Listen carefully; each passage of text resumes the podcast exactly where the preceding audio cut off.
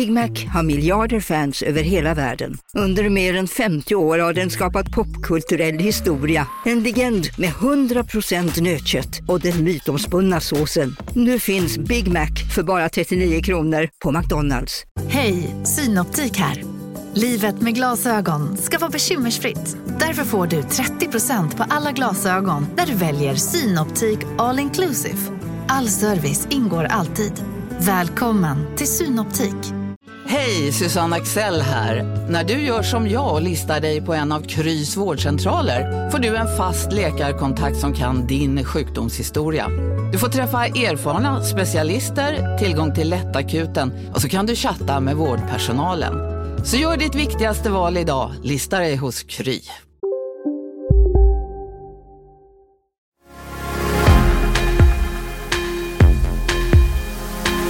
Ingen har ju lyckats förklara för mig hur mer könssegregering ska leda till jämställdhet. Hur ska jag säga, det finns ett generalrecept på att bli riktigt dum i huvudet som akademiker och det är bara att prata med folk som tycker som dig själv. Alltså. Så det är lite för många saker som nu inte fungerar i Sverige. Jag tror det är svårt överdrivet att påstå att den svenska demokratin står och skakar i sina grundvalar. Jag har alltid varit väldigt snäll. Bo Rothstein är välkänd forskare. Idag är han seniorprofessor i statsvetenskap vid Göteborgs universitet. Vad tycker han om forskningens frihet och feghet? Och hur bromsar man ett av världens värsta gissel, korruption? Men har han inte blivit lite snällare med åren? Hej Bo Rothstein, välkommen till Kvartals fredagsintervju. Tack, roligt att vara här. Ja, det tycker vi också. När jag pratade med dig häromdagen så var du på Island. Vad gjorde du där? Jag föreläste ett par dagar för studenter och ja, en bredare publik. Och sen tog jag mig också några dagar för att se mig runt. Vacker ö. En vacker ö. Vad föreläste du om? Ja, det jag brukar föreläsa om, men den här gången var det en speciell sak. Jag föreläste om hur man ska förklara varför de nordiska länderna i de här mätningar av om folk är tillfredsställda med sitt liv, det som också kallas happiness research, år efter år efter år kommer ut bland de allra främsta. Vad är det som förklarar det man internationellt kallar för the Nordic happiness? Intressant, det kanske vi kan återkomma till. Jag har lite frågor om detta och vad det har samband med och inte har samband med. Du är i alla fall en av Sveriges allra mest citerade statsvetare och du har gjort en enastående karriär. Hur mycket är begåvning, hårt arbete eller tur? Ja, vad ska jag svara på det? Du borde det är bäst. inte särskilt hårt arbete. Jag är ingen arbetsnarkoman. Jag har väl arbetat mycket men inte så att jag inte har haft semester och varit ledig och kunnat vara med vänner och familj. Det är en stor portion lyckliga omständigheter. Man ska träffa rätt människor vid rätt tillfälle få vara med på rätt konferenser och så. Men jag har också haft en fenomenal tur med medarbetare, doktorander, postdocs, också de forskningsmiljöer jag har fått vistas i. Begåvning då? Ja, vad ska jag säga om det? Svårt att veta själv. Rent generellt, vad tror du är viktigast om man tittar på människors framgångsfaktorer?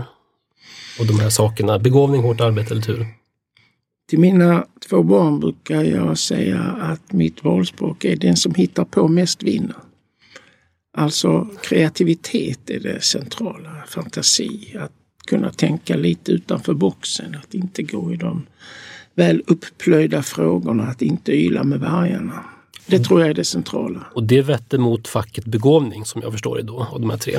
Det är en speciell typ av begåvning som... Läggning kanske? Ja, kanske mera så. Ja. Mm. Vet du om det finns någon forskning om de här faktorerna, vad som är, spelar mest roll? Eller är det bara din känsla efter många år i akademin?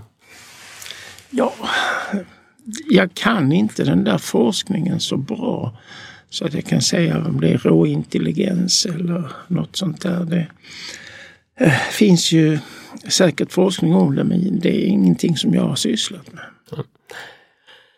Det är lite som att man ska inte fundera på varför man kan cykla, man bara cyklar. Det låter bra. Jag gillar att cykla. Du har upprepade gånger uttalat dig om den bristande rörligheten i universitetsvärlden. Du har pratat om intellektuellt inavel, att många forskare disputerar och dör på samma institution och så vidare. Och det här är inte ett problem som verkar minska av vad jag har förstått av, av universitetsvärlden idag. Vad är största problem, problemet med det här tycker du?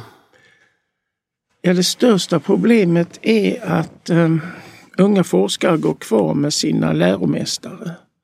Så de utvecklar sig inte till forskare i sin egen rätt. Det finns naturligtvis de som gör det men det blir lite för mycket upprepning och att man liksom plöjer vidare i redan upplöjda fält. Eh, vill man karikera detta lite så kan man säga att för en ung forskare är den bästa strategin att ta professorns idéer och visa att de fungerar ännu bättre på ett nytt material.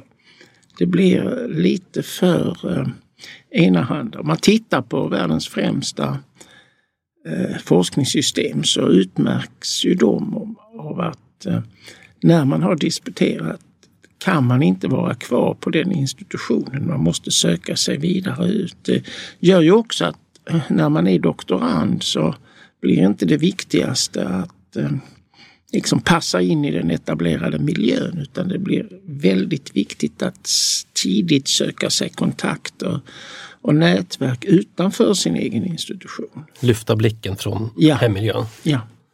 Men det här gör man inte i Sverige? Alltså i väldigt liten utsträckning, ja. Eh, det finns ju studier på detta som också visar att väldigt många eh, eh, svenska professorer har disputerat på samma institution där de är kvar till pensioneringen. Ja. Hur ska man komma till rätta med det här, tycker du? Ja, man kan ju inte syssla med retroaktiv lagstiftning men man borde ju tala om för nya doktorander att eh, vi ska hjälpa dig att få en så bra avhandling som möjligt men sen skiljs våra vägar åt. Och vet man om detta när man börjar forskarutbildningen så är det ju en sak man får tänka på om man vill satsa på en sån karriär. Vi har ju haft ett antal yrkesbanor där detta har tagits för givet. Eh, om man ville förbli överläkare till exempel, eh, Svenska kyrkan om man ville göra lite karriär där, diplomatkåren, officerskåren.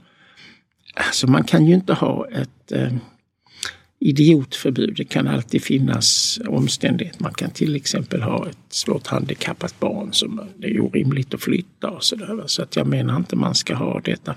Men man borde i allt större utsträckning skapa ett system där man rör på sig. Ja. Det skulle då, inte heller kosta någonting. För de yrken du nämnde, där är rörlighet så att säga, inbyggt i, i Ja, alla som vet att om man går in i det här yrket och ska komma fram lite så måste man flytta på sig som diplomat får man sitta i sex år, eller vad är det på ja, samma ställe? Ja, det är ju, men även andra yrken har haft detta. Och numera även i det privata näringslivet förstår jag att folk flyttar mycket. Man är inte på samma jobb hela tiden. En väldigt stor rörlighet eh, från de personliga kontakter jag har med unga personer som nu är i, gör karriär i det privata näringslivet. Jag också. Har du levt som du lärt? Har du varit rörlig själv? Det får man nog säga. Jag disputerade i Lund. Sen var jag en termin i Köpenhamn. Sen var jag nio år eller tio år i Uppsala, ett och ett halvt år i Stockholm. 20, vad blir det, två år i Göteborg, två år i Oxford och sen tillbaka i Göteborg tre år. Göteborg. Plus, plus att jag har ju haft rätt långa sessioner som gästforskare på andra universitet också. Vad har du lärt dig allra mest av att byta miljö så pass ofta? Uh, ja, att det finns väldigt olika sätt att förhålla sig till forskningen som ett arbete. Jag startade faktiskt ett forskningsprojekt om detta eftersom jag runt 1990, eh, det är många år sedan, upptäckte att ja, man räknade tre månader som en rätt lång tid varit på fem olika statsvetenskapliga institutioner i Norden. Och vissa av dem bubblade av kreativitet och nytänkande och sådär. Andra uppfattade jag som antingen sönderslagna av interna konflikter eller rätt eh, halvdöda ställen. Och det var lite intressant att försöka reda ut varför. Det är inga platser, ställen du vill nämna vilka det är? Här. Det är så länge sedan också. Så okay.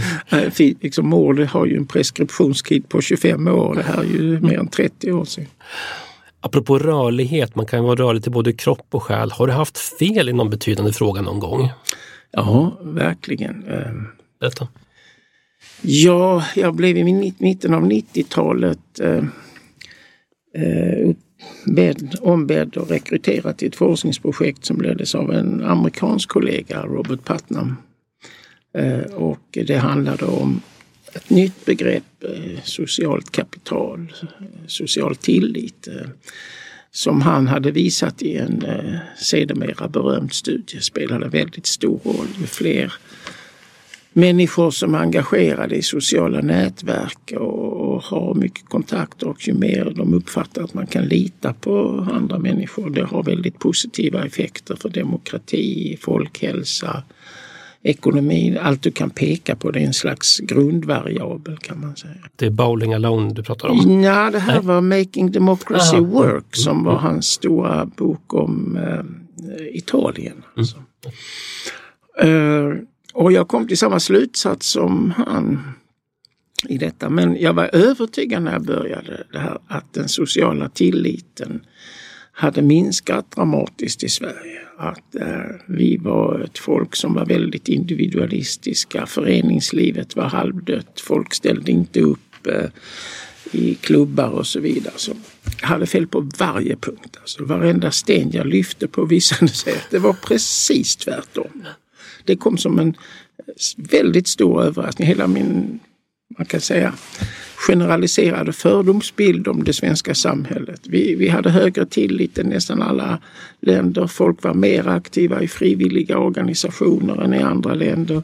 Eh, de eh, också ställde upp och hjälpte folk i problem som var sjuka och så mer än i jämförbara länder och så vidare. Och så vidare. Så här hade jag faktiskt fel på varje När var det här ungefär? Ja, det är andra halvan av 90-talet. Ja, det var ett tag sedan.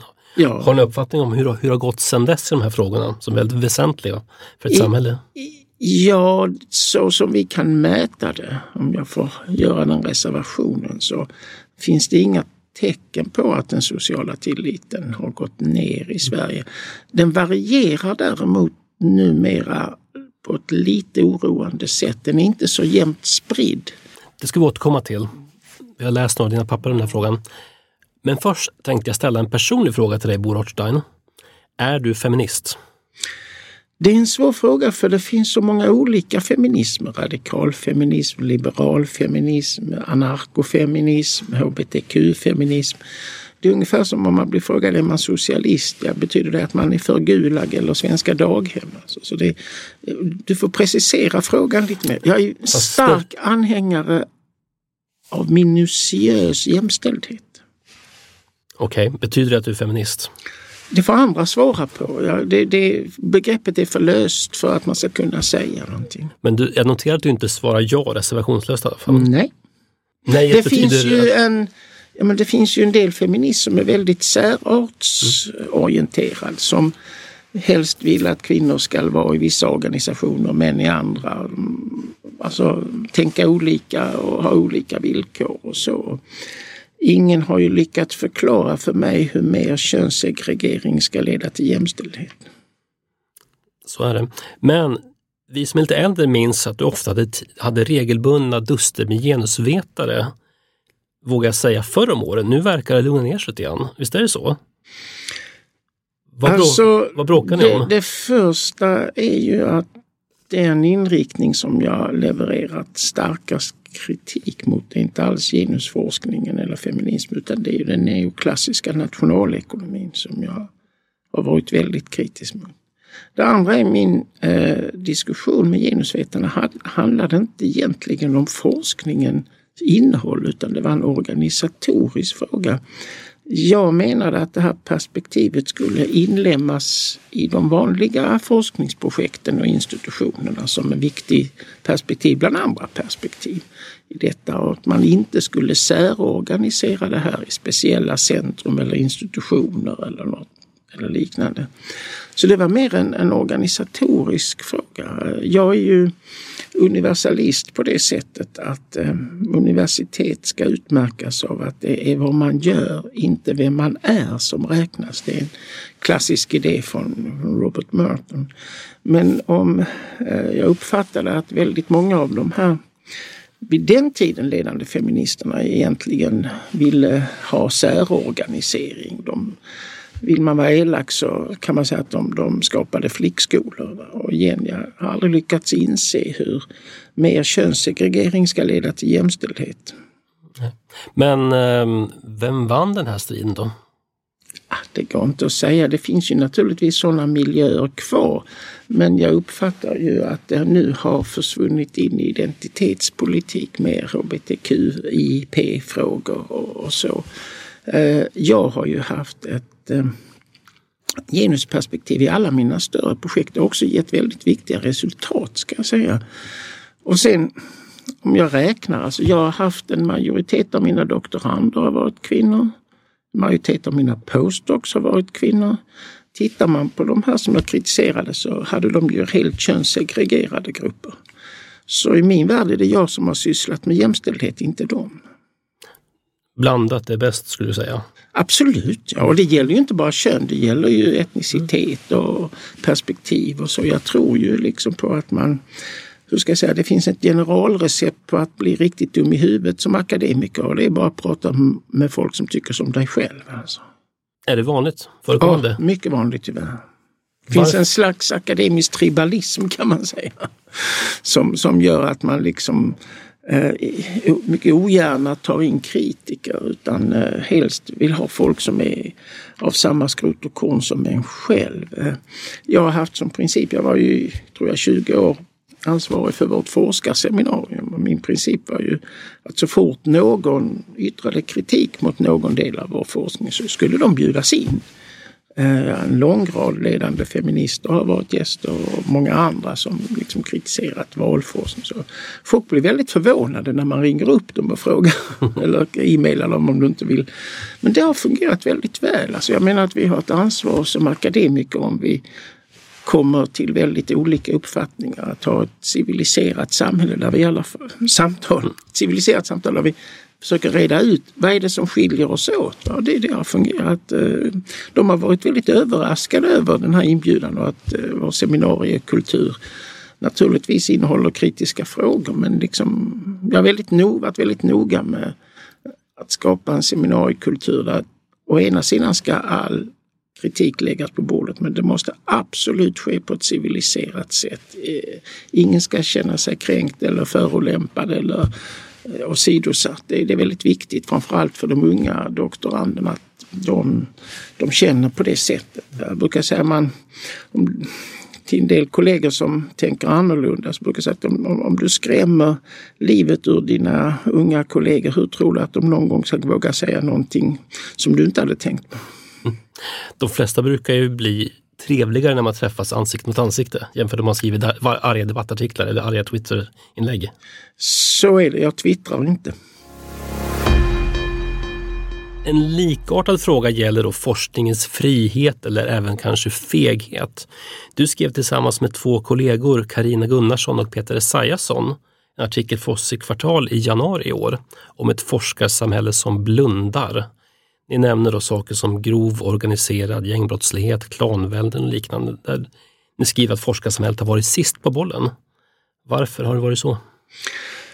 Ja, vi har ju en bataljon forskare inom det som kallas IMO-forskning, internationell migration och eh, någonting annat. Eh, bland de ledande finns till exempel den inte okände Masoud Kamali, men många andra. Och de har ju bedrivit väldigt mycket forskning och haft stora anslag och en hel utredning om den här problematiken med integration och så. Och de känner ju väl till det här va? men av ideologiska skäl har de inte velat ta i denna fråga. Och där står vi ju nu. Det är ju väldigt pinsamt för forskarsamhället att det är en journalist som lyfter upp den här frågan och lägger den på bordet medan forskarsamhället har tittat bort. Vem? Lennerby Ja, ja och namn. Malin Lenneby? Nej, det är hon som skrev Familjen. Ja, just det. Ja. Mm. Hon nämnde det här, även eh, Per Brinkemo. Absolut Per Brinkemo mm. också. Mm. Självklart skulle jag ha nämnt mm. honom. Men vi, ja, alltså det finns ju många exempel på, på detta. När, jag har ju sysslat mycket med forskning om korruption och korruptionsliknande verksamheter. Det var en tabufråga när jag var ung forskare. Min generation professorer i statskunskap, nationalekonomi, sociologi kan inte minnas en enda lektion eller ett seminarium som handlade om detta. Och det var ju också för att det fanns ett slags idé om att om man tog upp denna fråga då, you were blaming the victims, alltså folk i fattiga länder och det skulle man inte göra. Men om man får vända på frågan så här, varför har inte du och Peter Esaiasson och Karina Gunnarsson forskat om det här tidigare? Ni hade kunnat gjort det själva. Ja, det skulle vi kunna gjort om detta varit vårt forskningsämne. Men det är det inte. Man kan inte syssla med allt. Mm. Eh, eh, jag vill gärna lyfta på hatten för både Karina och Peter som har börjat titta på, med stort allvar på detta. Karina är inte, sysslar egentligen inte med forskning längre, hon är mer utredare. Peter Samuelsson har gjort fantastiska insatser på senare tid om att studera integrationen med nya metoder. Så är det. Du har även, ditt eget forskningsämne rör ju mycket mer korruption som du nämnde. Eh, om man nu, jag tittade på Transparency Internationals sajt, då har man en världskarta. Om man nu ska måla med breda penseln så är ju då Nordvästeuropa ett globalt undantag. På tio topplistan av de minst korrumperade länderna hittar man då Danmark, Finland, Norge, Nederländerna, Sverige, Schweiz, Nya Zeeland. Medan i princip hela Asien, hela Afrika, hela Latinamerika är genomkorrumperat och stora delar av Östeuropa och delar av Sydeuropa.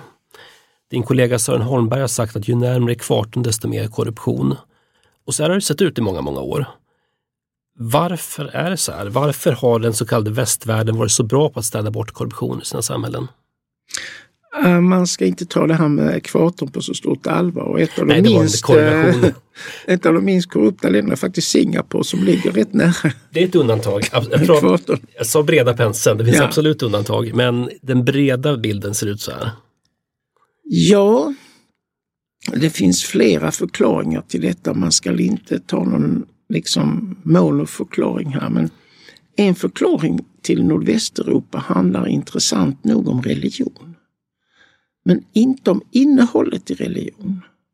Utan hur man har organiserat religion i Nordvästeuropa. I Nordvästeuropa har religion, som ju är en rätt dyr verksamhet, ska bygga stora tempel och kyrkor. Är det protestantism vi pratar om? Ja. Eh, eh, här har eh, man ju organiserat detta nerifrån där de lokala församlingarna haft, eh, det är de som har ägt verksamheten kan man säga. Det är inte Svenska kyrkan som äger kyrkorna, det är de lokala församlingarna. Och de här församlingarna fick man tidigt, eh, från slutet på medeltiden, installera tre intressanta principer. Det ena var representation. Så man valde kyrkvärdar. Och det var väldigt sällan överheten aristokrater. Det var den vanliga snickaren, naturligtvis inte de fatt, riktigt fattiga, men liksom ordinary people. Eh, man också fick en process med att man höll församlingens räkenskaper och sina räken, egna räkenskaper åtskilda. Så varje år så skulle böckerna kunna inspekteras. Och man fick också ansvarsutkrävande. Man kunde liksom avsätta den här personen om det hade begåtts misstag. Så man får tre viktiga principer. Man får representation, transparens och ansvarsutkrävande på lokal nivå. Ingenting av detta finns till exempel i den eh, muslimska världen. Eller jag ska säga Mellanöstern och Nordafrika-världen. Där har samma verksamheter än idag i stor utsträckning faktiskt finansierats uppifrån av rika familjers stiftelser som man har installerat för hundratals år sedan för att säkra jordegendomarna. Och där finns vare sig representation, transparens eller, eller eh, ansvarsutkrävande utan de styrs helt uppifrån. Så här finns möjligtvis ett slags historiskt DNA på detta som, som är intressant. Det, det är en faktor. Det andra faktor är ju att när kapitalismen kommer, industrialismen, så får man krav från stora delar av eh, den uppåtstigande borgerligheten på ordning och reda i statens finanser och reglementen. Det är väldigt besvärligt att bedriva produktion, en importfirma som man ständigt måste betala mutor om man inte kan förutse eh, vilka lagar som gäller och så vidare. Så man får ett krav. I Nordvästeuropa kommer någon form av vad ska man säga, ordning och reda i den offentliga förvaltningen i andra halvan av 1800-talet. Före demokratins genombrott. Och någon sån utveckling får man ju inte i de andra länderna på samma sätt. Hur stor roll har läskunnighet spelat? Stor. För det är också länder där man lärde sig läsa tidigt. Ja, läskunnighet är en sak. Det visar sig att man satsar i många länder på det vi kan kalla folkskola, alltså fri utbildning för alla. Och sambandet mellan eh, medeltalet månader barn gick i skolan på 1870-talet för 78 länder och dagens nivå på korruption är mycket hög. Eh, och eh, det där, ja, tillsammans med en amerikansk kollega har jag försökt lägga i dagen att de här skolreformerna har haft en stor betydelse. Det kanske intressantaste fallet på detta är Italien som får en mycket radikal sån här reform 1869-70. Tre års fri utbildning för alla. Den implementeras till bokstäverna i norra Italien. Nästan ingenting i söder. Och vi ser idag, 150 år senare, fortfarande effekterna av detta. Att den italienska södern är mycket mer drabbade av svårartad korruption än den norra, norra delarna. Och maffia. Ja, naturligtvis. Mm, så det hänger ihop. Hur stort är problemet med korruption i världen idag? Jag frågar du mig så är detta huvudproblemet. Bakom, Världens största problem? Ja. Större än klimathot? Ja. Befolkningstillväxt? Ja. Och det är av två skäl. Det visar sig att en grundvariabel för väl fungerande samhälle är just social tillit, socialt kapital. Utan detta så är det väldigt svårt att ja, få folk att betala skatt eller ställa upp på gemensamma saker. Och detta genereras av hur folk uppfattar kvaliteten i de offentliga institutionerna. Det andra är, om du tar klimatfrågan, visar våra forskningsresultat att även personer som är mycket engagerade i den här frågan men som lever i ett land med eh, väldigt korrupta eller illa fungerande offentliga, de vill inte betala högre miljöskatter för de är övertygade om att pengarna kommer inte användas på rätt sätt. Eh, så eh, ja, man kan säga att korruption förstått brett om man inte bara tar detta med mutor utan många andra typer av oegentligheter. Nepotism och sådana saker. Nepotism, brist på opartiskhet, eh, politisering och, så vidare. Eh, vågar jag nog säga att detta är ett grundproblem. Vi hittar ju också att det här har stor betydelse för krigsutbrott. Eh, om Putin hade varit omgiven av eh, inte bara politiska ja-sägare utan av, eh, vad ska man säga, meritokratiskt rekryterade säk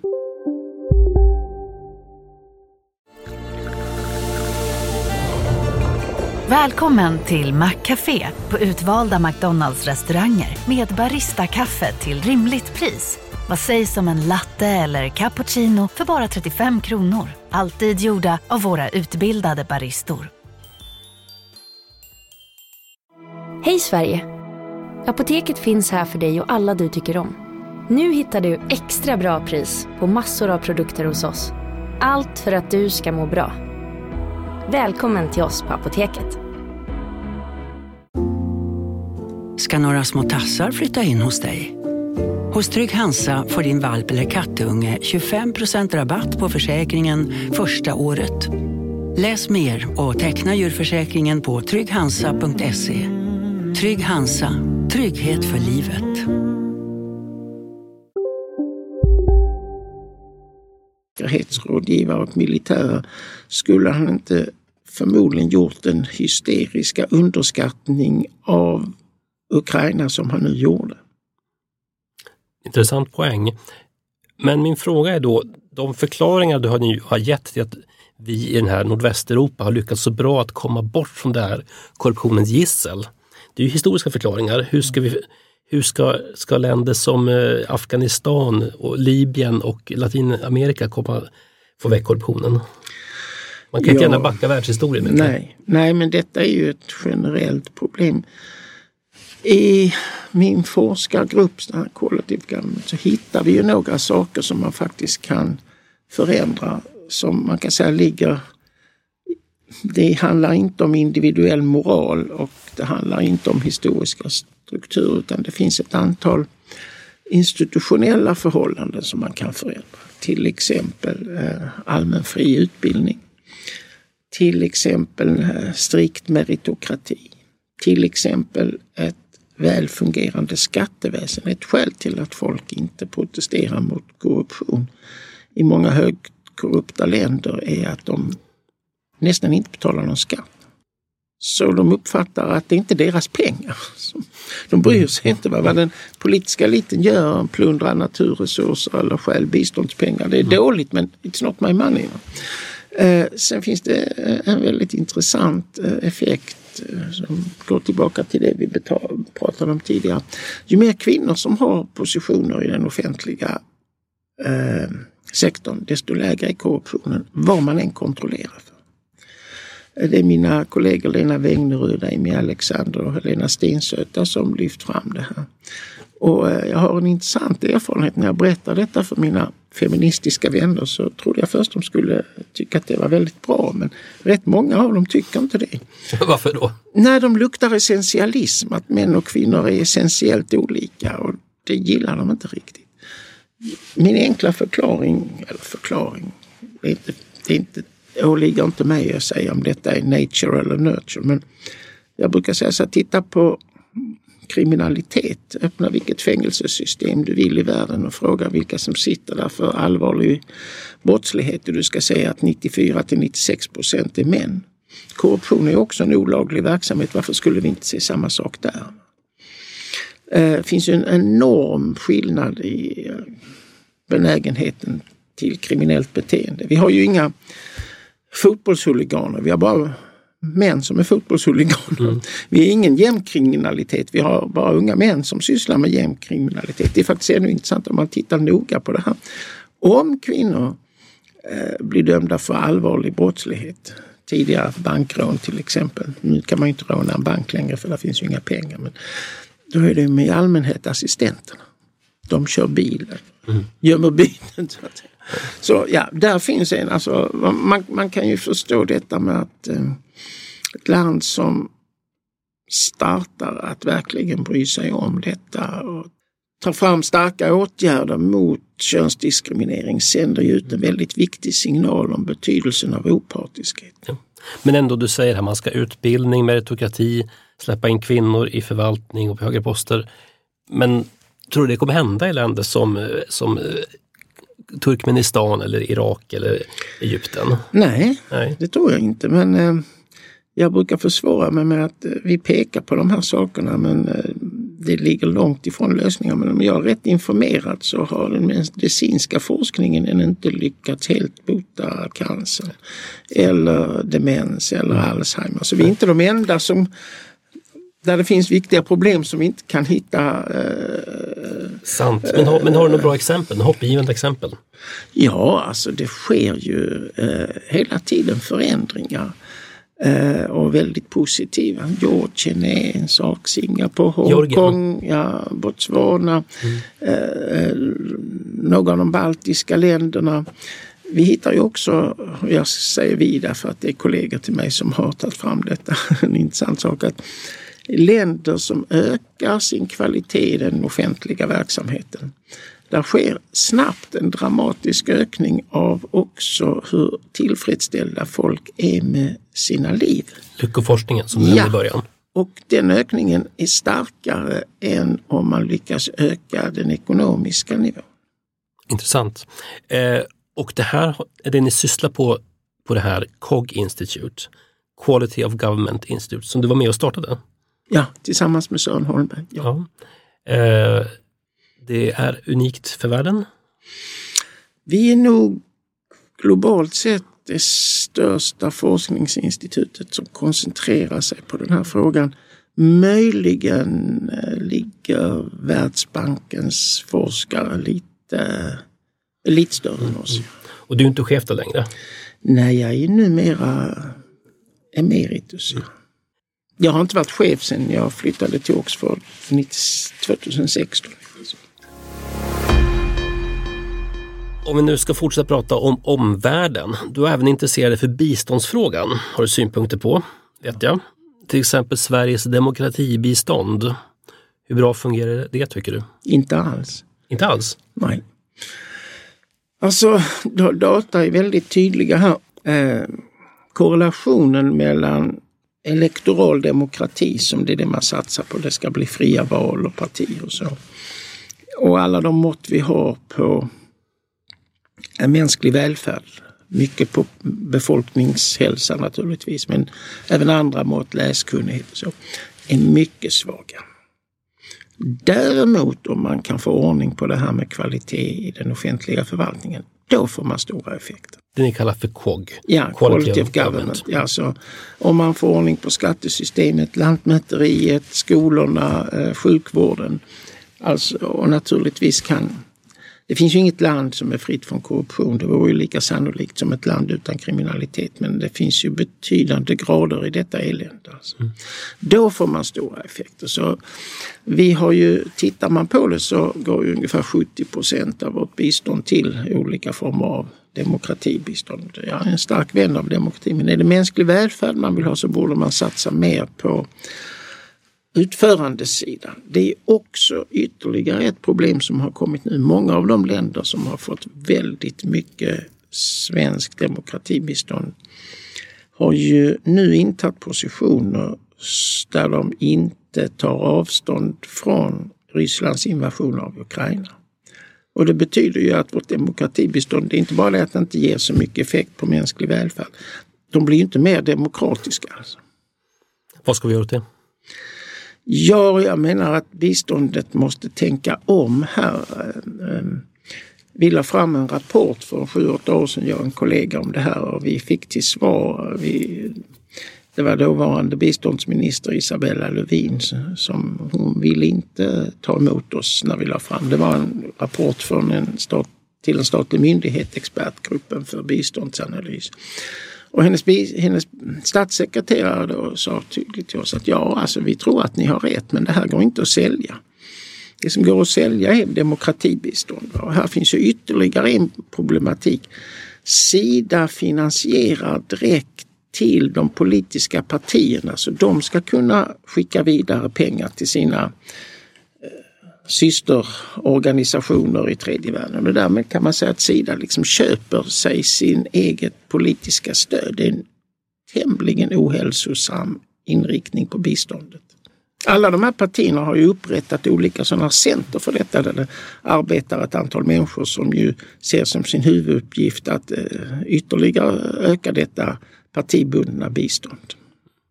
Tror du vi kommer se en förändring i frågan? Det skulle inte förvåna mig. Med en ny regering menar jag? Ja, samtidigt är ju även Moderaterna och Kristdemokraterna och, och, och, och, Liberalerna har den här typen av verksamhet. Alltså då måste de först städa upp i den tror jag. Vi, vi har ju haft eh, under regeringen Reinfeldt försökte man väl delvis att eh, ändra inriktning men detta är rätt så trögt. Jag är en stor vän av bistånd men så som det fungerar nu och det finns ju också eh, en, en, en annan skicklig person detta, Bengt Svensson, som skrivit om det problematiska biståndet till många krigförande länder i, i eh, framförallt Afrika.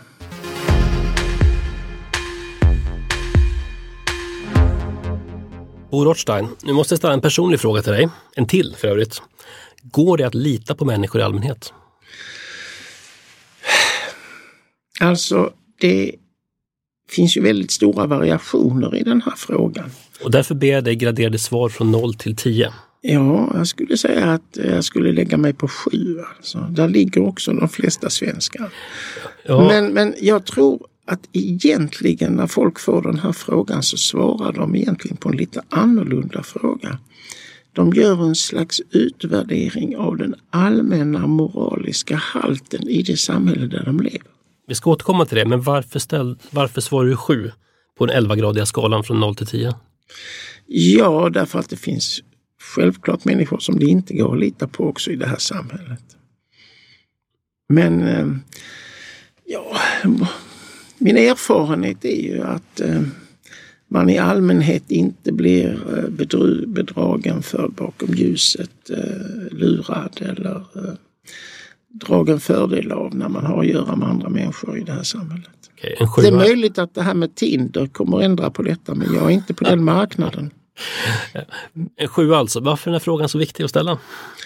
Ja, det, det visar sig att eh, det, den här frågan korrelerar väldigt starkt med många andra som vi kallar valued outcomes, alltså eh, om man har bra demokrati. Länder som har hög tillit, de har allmänt bra demokrati, god låg brottslighet, högre, eh, folk är lyckligare med livet och så vidare. Och så vidare. Men det finns ju också väldigt goda teoretiska förklaringar till det här. Det ena är ett samhälle med väldigt låg tillit. Där kommer många utbyten som skulle vara fördelaktiga för båda parter, antingen individer eller företag, inte till stånd därför att man inte litar på den andra. Det kan vara naturligtvis ekonomiska utbyten men också professionella, sociala och föreställer jag mig emotionella utbyten. Man litar helt enkelt inte på det. Ekonomer kallar detta för transaktionskostnaderna blir väldigt höga. Det andra är att vi befinner oss ju inte så sällan i en situation där vi inser att om vi kunde lita på att de andra ställde upp så skulle alla tjäna på dem. Alla källsorterar sina sopor, försöker att eh, undvika eh, transportsystem som skadar miljön, betalar sina skatter, eh, inte skräpar ner, ställer upp i arbetslaget och så vidare. Så, så tjänar vi alla på det. Men här uppstår ett litet problem om, om, om man inte är övertygad att de flesta andra ställer upp. Varför ska man då själv ställa upp?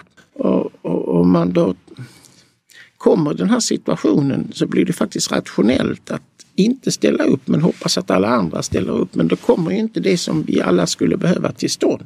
Det är inte så kul att vara den enda som jobbar hårt i arbetslaget eller som eh, eh kommer till eh, institutionens seminarium väl förberedd och så vidare om ingen annan gör det. Och utan tillit så hamnar man lätt i eh, det vi kallar för en social fälla. Alltså man är i en situation där alla får det sämre trots att man inser att om man kunde lita på varandra skulle vi alla tjäna på det. De nordiska länderna sticker ju alltid ut i globala undersökningar att vi har hög tillit. Ja. Jag tror för övrigt att jag också skulle svara sju ungefär på den här mm. frågan. Eh, och du sa att det är ungefär de flesta svarar i Sverige, en sjua. Mm. Det är, ja, det ligger där ja, någonstans. Då har man hög tillit, ja, eller hur? Ja. Du skrev ändå förra året tillsammans med Sören Holmberg en artikel. Då skrev ni så här, jag citerar. Det är dags för lite alarm. Allt är inte gott och väl med den mellanmänskliga tilliten i höglitarlandet Sverige. Slut citat. Vad är det som har hänt?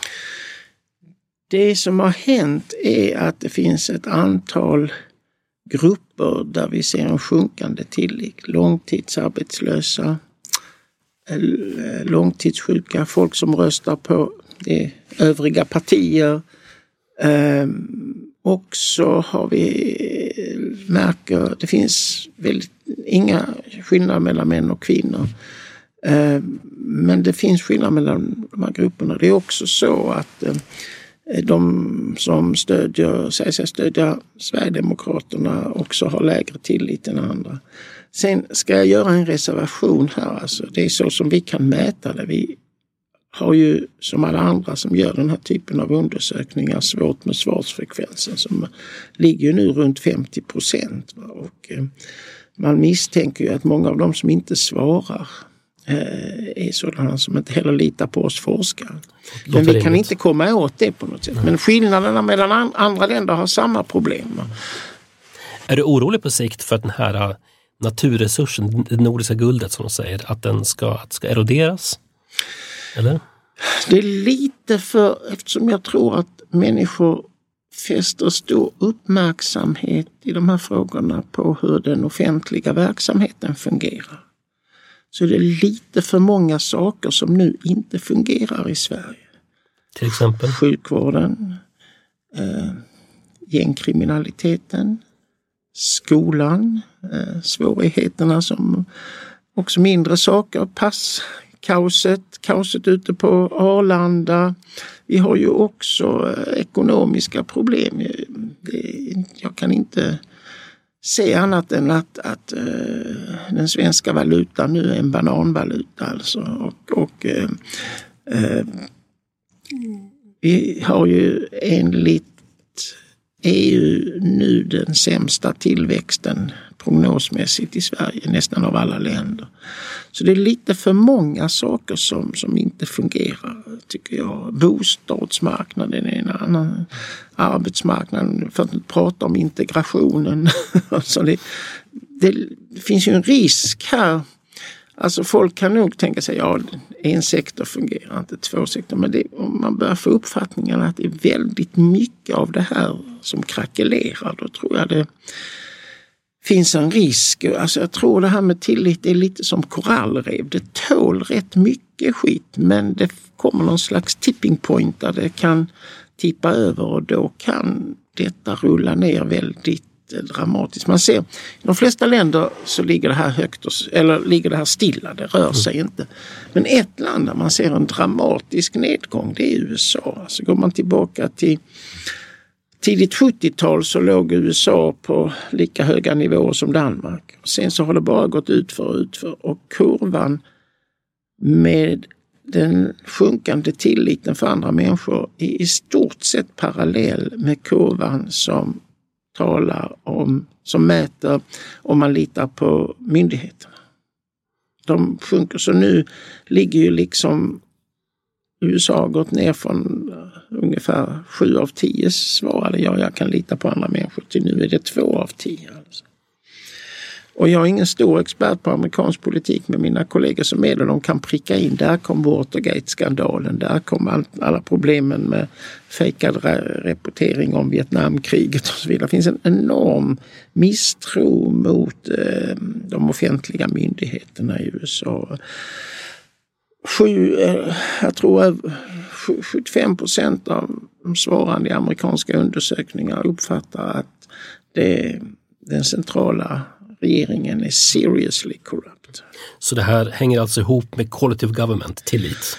Det var så det började för mig alltså. Jag kom till samma slutsats som tidigare nämnde Robert Putnam om att det här är ett väldigt viktigt eh, nytt begrepp socialt kapital, ungefär som när humankapital kom på 60-talet. Vi kan rimligt väl mäta det, det har alla de här goda effekterna, men jag kom till en helt annan slutsats baserad på tonvis med empirisk forskning. Att det, hans tes var att detta genererades av att folk var aktiva i frivilliga organisationer. Vi har inte kunnat hitta någonting som stöder detta. Däremot har vi hittat väldigt tunga jag brukar inte använda ordet bevis i samhällsvetenskap. Jag tycker det är för tungt. Men i det här vågar jag säga bevis för vi har både experimentella såväl historiska fallstudier. alltså många belägg som liksom visar att när folk tar ställning för om de kan lita på andra människor, då är deras uppfattning om de offentliga tjänstemännens kvalitet en väldigt eh, tung bit i detta. Så det var därför vi startade då blev det ju intressant att se varför har olika länder så olika kvalitet, kvalitet i de offentliga eh, verksamheterna. Ja. Du nämnde tipping points nyss. I höstas kring valet var det ju många, framförallt kulturskribenter, som tvivlade på överlevnaden för Sveriges demokrati. Vad tänker du i den här frågan? Är vi, Sveriges demokrati hotad på allvar? Hur stor är risken att vi är på väg att bli som Ungern, är alltså i närtid. Innan du svarar på det ska jag vända på dig som lyssnar. Eh, vill du höra hela fredagsintervjun behöver du vara prenumerant på Kvartal Total. Då får du allt ifrån start till mål. Dessutom är det helt reklamfritt. Du som gratislyssnar får alltså en kortare version av den här intervjun med Bo Rothstein. Så ett tips alltså, prenumerera på Kvartal Total. Då får du ta del av hela fredagsintervjun med Bo Rothstein. Men apropå det som flyttar med strömmen. Du satt ju ändå själv i studentkårens kommunfullmäktigeförsamling för Vänsterpartiet kommunisterna på 70-talet, eller hur? Sant. Flöt det med strömmen då? Ja. Varför då? Ja, men jag är ju född 1954 och det innebar ju att eh, jag var för liten för att få vara med 1968 tyvärr. Jag tror jag hade varit en lysande barrikadstorm. Då var du 15? Ja, 14 faktiskt. 14. eh, nej, men skämt åsido. Det byggde på en eh, position att det fanns en eh, stark opposition inom dåvarande Vänsterpartiet kommunisterna som ville att man helt skulle bryta med Sovjetkommunismen och Sovjet och, och ställa sig ungefär som danska Socialistiskt Folkeparti, alltså en demokratisk socialism. Och jag eh, trodde ju på detta och när detta visade sig inte stämma, när C.H. Hermansson eh, och hans entourage böjde rygg på den där berömda kongressen för eh, den sovjetiska delegationen som ju hotade att åka hem så eh, tog jag min mats skolan. Det var en felbedömning från min sida. Jag trodde att det skulle gå, att det här partiet också, det fanns ju också de i partiet som var knutna till eh, tidningen Norrskensflamman och när de bröt sig ut och bildade ett eget parti, Arbetarpartiet Kommunisterna, så trodde jag att då skulle partiet eh, röra sig eh, helt bort, bryta mot den sovjetiska modellen som jag ju i grunden även då avskydde. Eh, men ja, det blev inte så helt enkelt och då fanns det ingen... Så jag, jag tror det var, jag kommer inte ihåg, kan det ha varit 1991 jag lämnade eller något sånt där? 1991?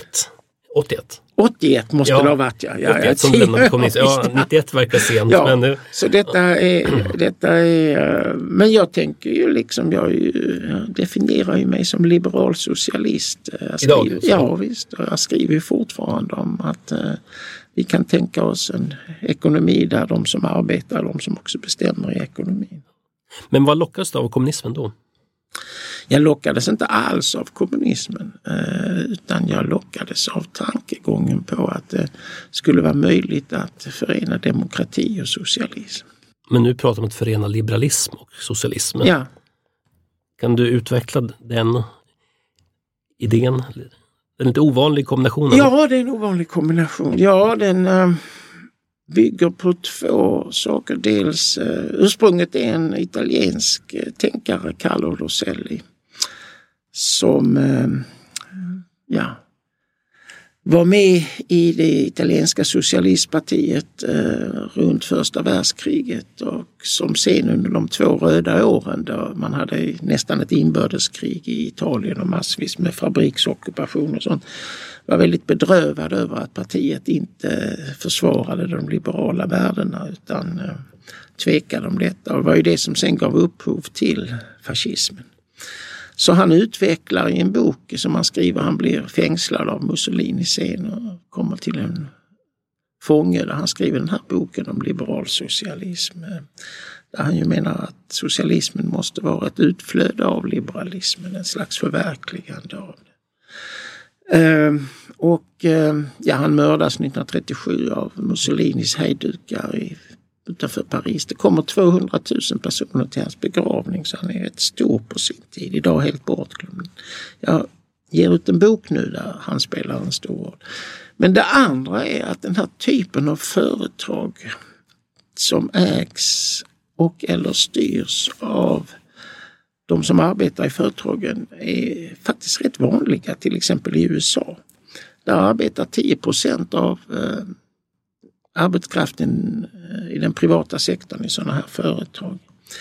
Eh, de har studerats i 40 år upp och ner, fram och tillbaka. Den här typen av företagen eh, klarar sig väldigt väl. Folk är mycket mer nöjda med sin arbetssituation. De har högre löner, de har mycket högre pensioner.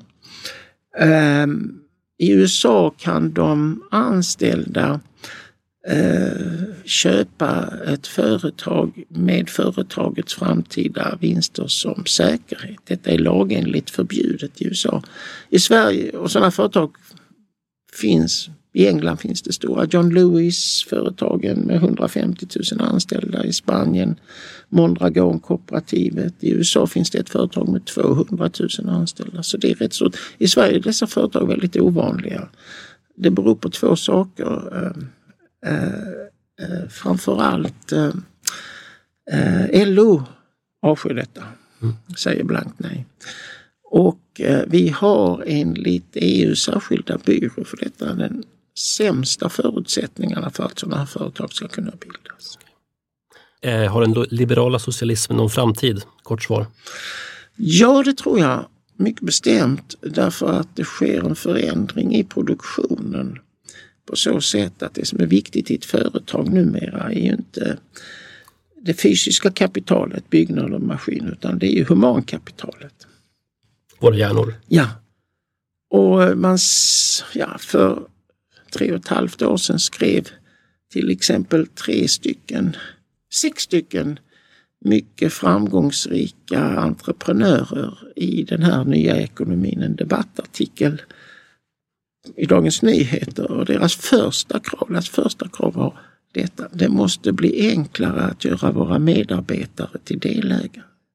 Det var då eh, väldigt svårt av skattetekniska skäl. Och, så. och varför är det så? Ja, alltså i den här nya ekonomin där är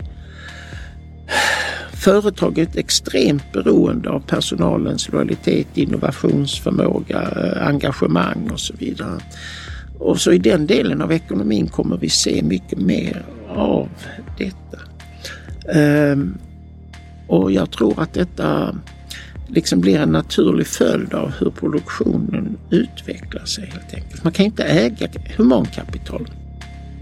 Tack, O. Rothstein, för dessa ord i kvartalsfredagsintervju. Tack för att du kom hit. Tack själv.